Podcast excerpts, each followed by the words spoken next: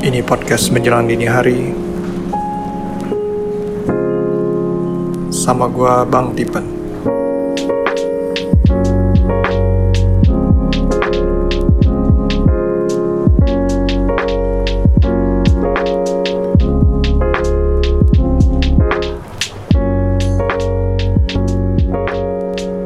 Hari ini tanggal 14 Mei 2018 Dan per rekaman ini jam 11.20 Udah ada bom meledak di 5 lokasi. Tiga di antaranya terjadi kemarin di gereja Eh, Lalu du, satu di pemuki- eh, pemukiman warga Satu lagi di eh, salah satu kantor polisi ya Tadi pagi.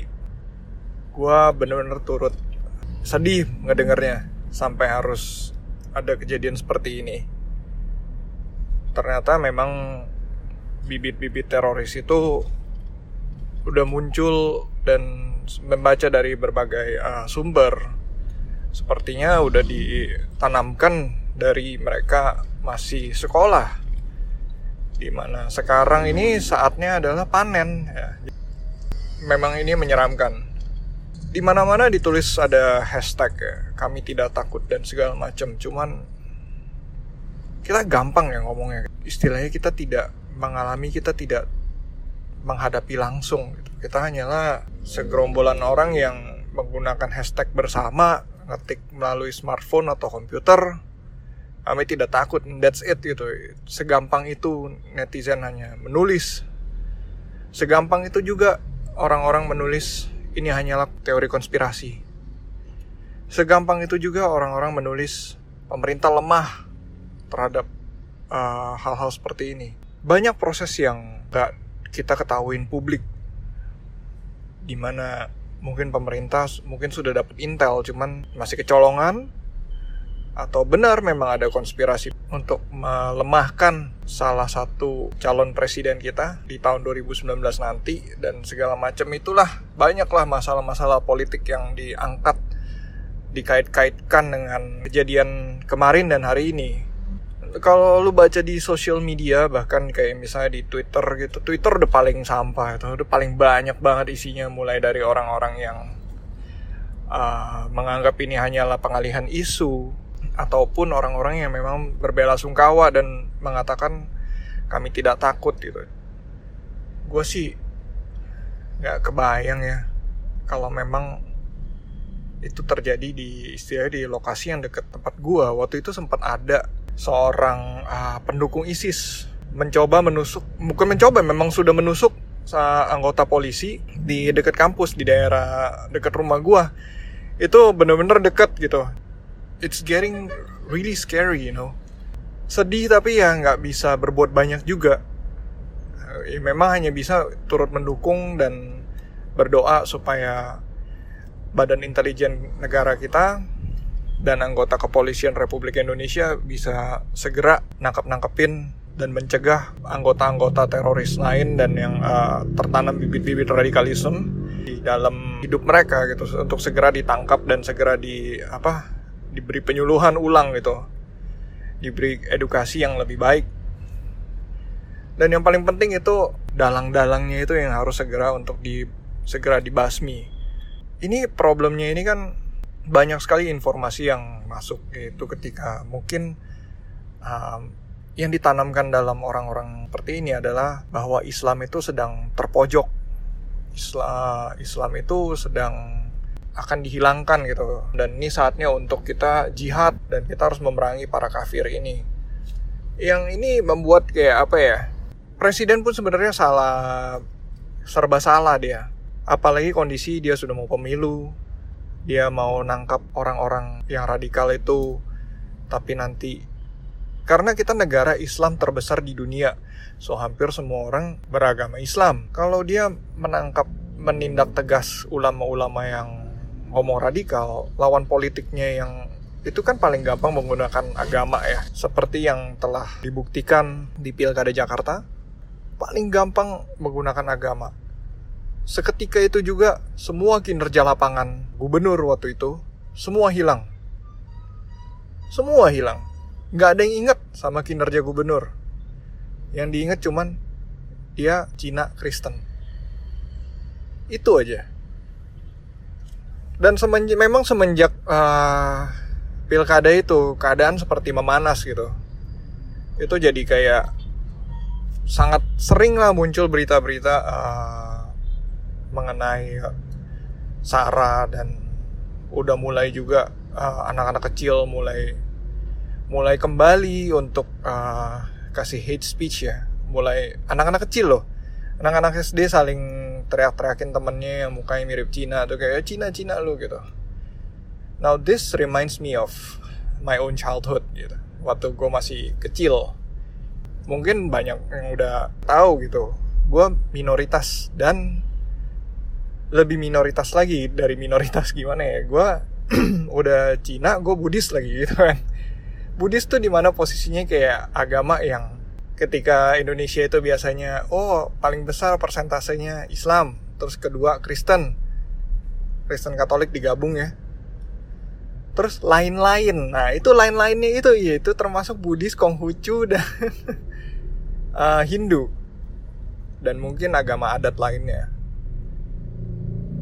ini memang ngingetin gue sama masa kecil gue. Sebelumnya gue warn dulu ya, um, please be open mind. Gue ceritain background gue. Secara apa yang ternyata nyata faktanya uh, gue dibesarkan dengan cara seperti ini dan apa yang gue alamin itu emang nyata karena memang gue alamin gue udah pernah gue alamin so gue masih kecil seperti mungkin yang kalian pada tahu gitu kan. Orang Cina itu kalau misalnya kita biasanya di mengeksklusifkan diri. Kita menutup diri. Jangan gaul sama pribumi katanya. Nggak bisa dipercaya. Itu itu omongan yang udah udah sering banget uh, udah umum lah. Dan kita tuh udah ya bahkan dari sampai gue kuliah itu gue pun masih mengalami kesulitan, mengalami kendala untuk bergaul sama pribumi. Jujur aja, gue jujur ngomong itu itu nyata. Gue sampai gue lulus kuliah itu di tahun 2008, umur 22, gue mengalami kesulitan untuk bergaul sama pribumi. Karena memang nilai itu yang ditanamkan uh, sama gue dari kecil dan pengalaman-pengalaman yang buruk ya yang gue alamin dengan dengan pribumi to be honest gitu kan. Jadi waktu gue kecil itu dulu kan gue tinggal di daerah rumah gue tuh dulu masih kayak bener-bener terhubung sama kampung di belakang. Uh, cuman dipisahkan oleh tembok dan rumah gue tuh kayak masih banyak.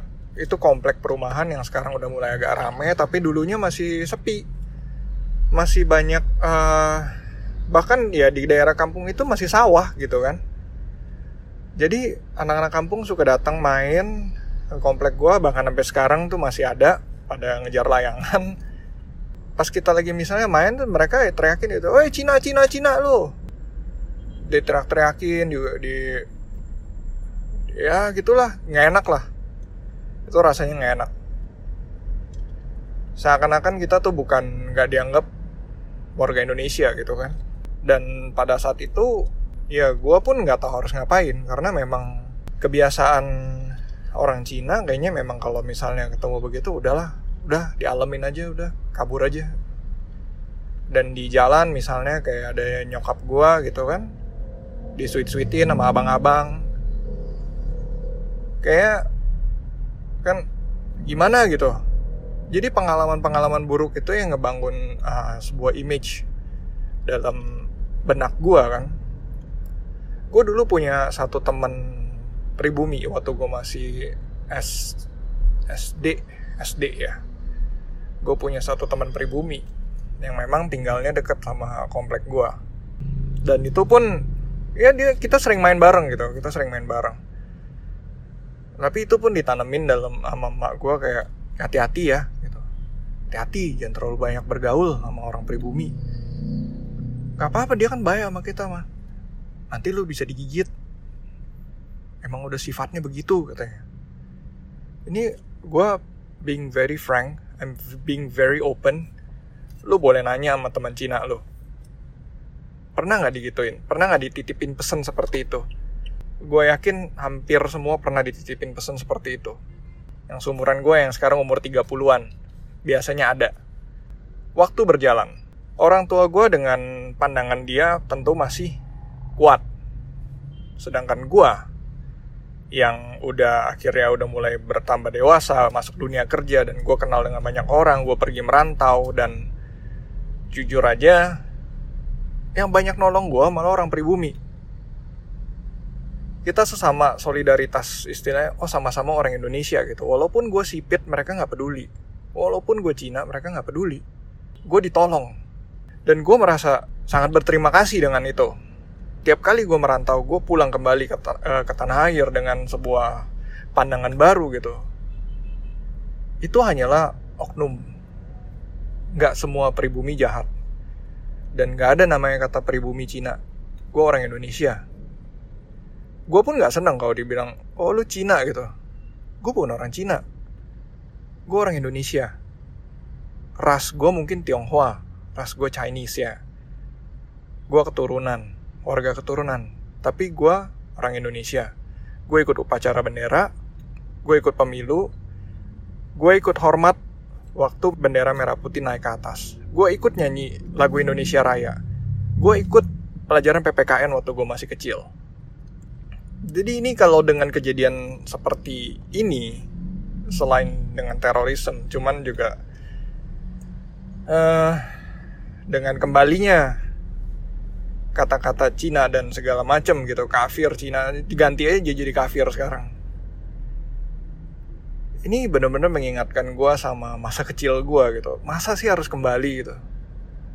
Masa gue harus salah? Gue mendukung gue gue bener-bener ngomong sama orang tua gue kita nggak boleh ngomong mengenai pribumi-pribumi lagi gue bilang. Ini tuh lain lah. Nggak udah nggak ada lah orang bilang pribumi nggak bisa dipercaya tuh lain. Ah Cina juga nggak bisa dipercaya. Sama banyak. Lebih parah malah kadang-kadang. Dia pikir kita kan sama-sama Cina lebih percaya gitu. Enggak mereka malah kadang-kadang makannya mereka bisa bohongin kita lebih banyak. Karena kita lebih menaruh rasa kepercayaan ke, di, ke mereka nah dari sana lah gue bilang enggak lah zaman sekarang era informasi udah lain mungkin era zaman papa mama dulu nggak begitu. Sekarang kita udah era informasi udah lain. Memang kejadian 98 itu terjadi, tapi itu adalah kudeta. Itu adalah kudeta. Dan kondisi waktu itu memang uh, ya istilahnya masih bodoh, tidak seperti zaman sekarang. Internet baru masuk, semua orang belum terhubung tidak ada komunikasi antara Cina dan pribumi itu juga salah satu uh, penyebab salah satu penyebab menjadi adanya ketidaktahuan dan jadi ignorant gitu jadi kebodohan makanya dengan adanya era informasi seperti sekarang gue rasa udah tidak ada tidak akan ada lagi hal-hal seperti ini dengan beberapa kejadian setelah itu setelah pilkada Jakarta ternyata masih ya gitu. Masih banyak sekali yang yang harus ditegakkan masih banyak yang harus diurus dan gila men masih nggak sedikit gitu. Ini masih PR banget gitu. Masih PR yang harus buat uh, dikerjakan oleh pemerintah dan dan lingkungan utamanya karena pemerintah itu kita nggak bisa terlalu berharap sama pemerintah. Pemerintah banyak kesibukan lain-lain. Jadi kita sebagai lingkungan itu yang harus lebih uh, sebagai apa orang bilang kunci utamanya. Melaporkan keadaan-keadaan yang tidak sesuai dengan uh, lingkungan dan ikut uh, turut berpartisipasi kalau misalnya ada kejadian apa. Jadi ini yang hmm, gue sendiri bukannya I I don't lose hope, oke. Okay. Gue masih yakin itu cuman oknum.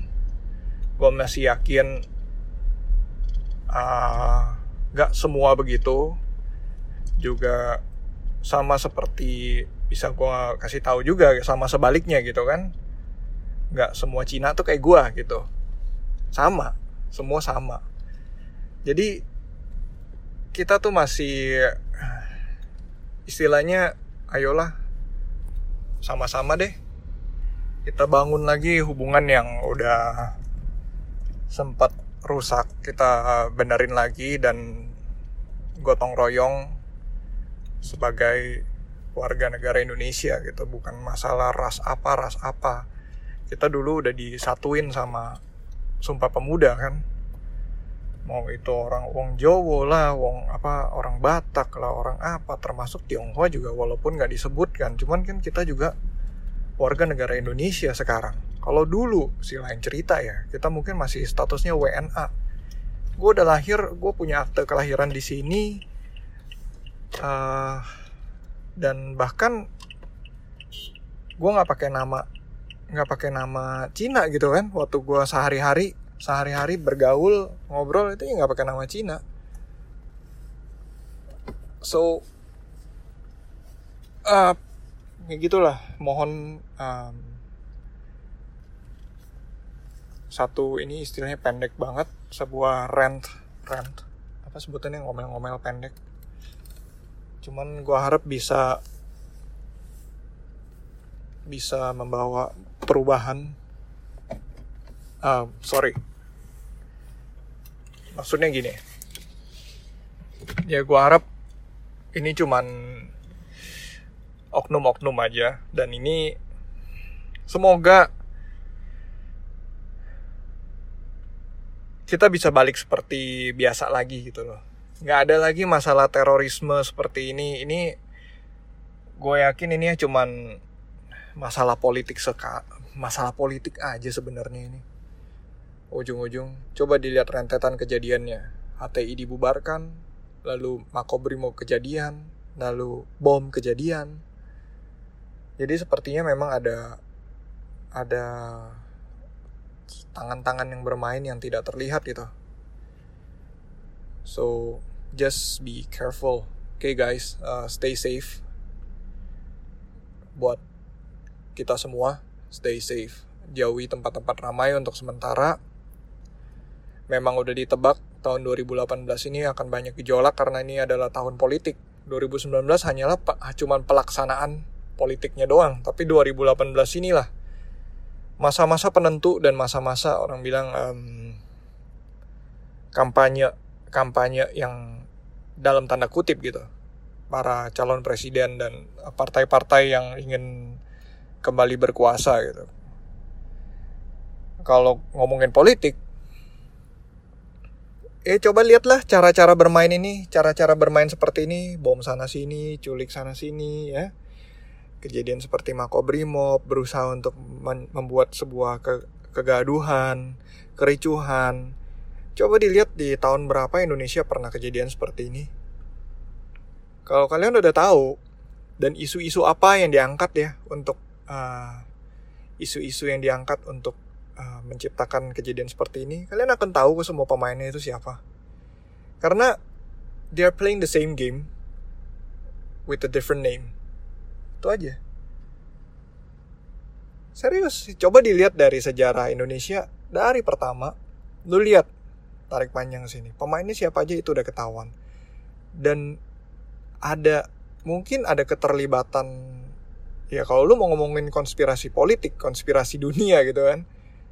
Ya lu tau lah di tangan presiden kita siapa um, perusahaan apa yang benar-benar ditekan, di pressure untuk memberikan memberikan uh, dia punya benefit yang sudah berpuluh-puluh tahun itu kembali ke Indonesia kembali ke negara Indonesia dan ya gitulah.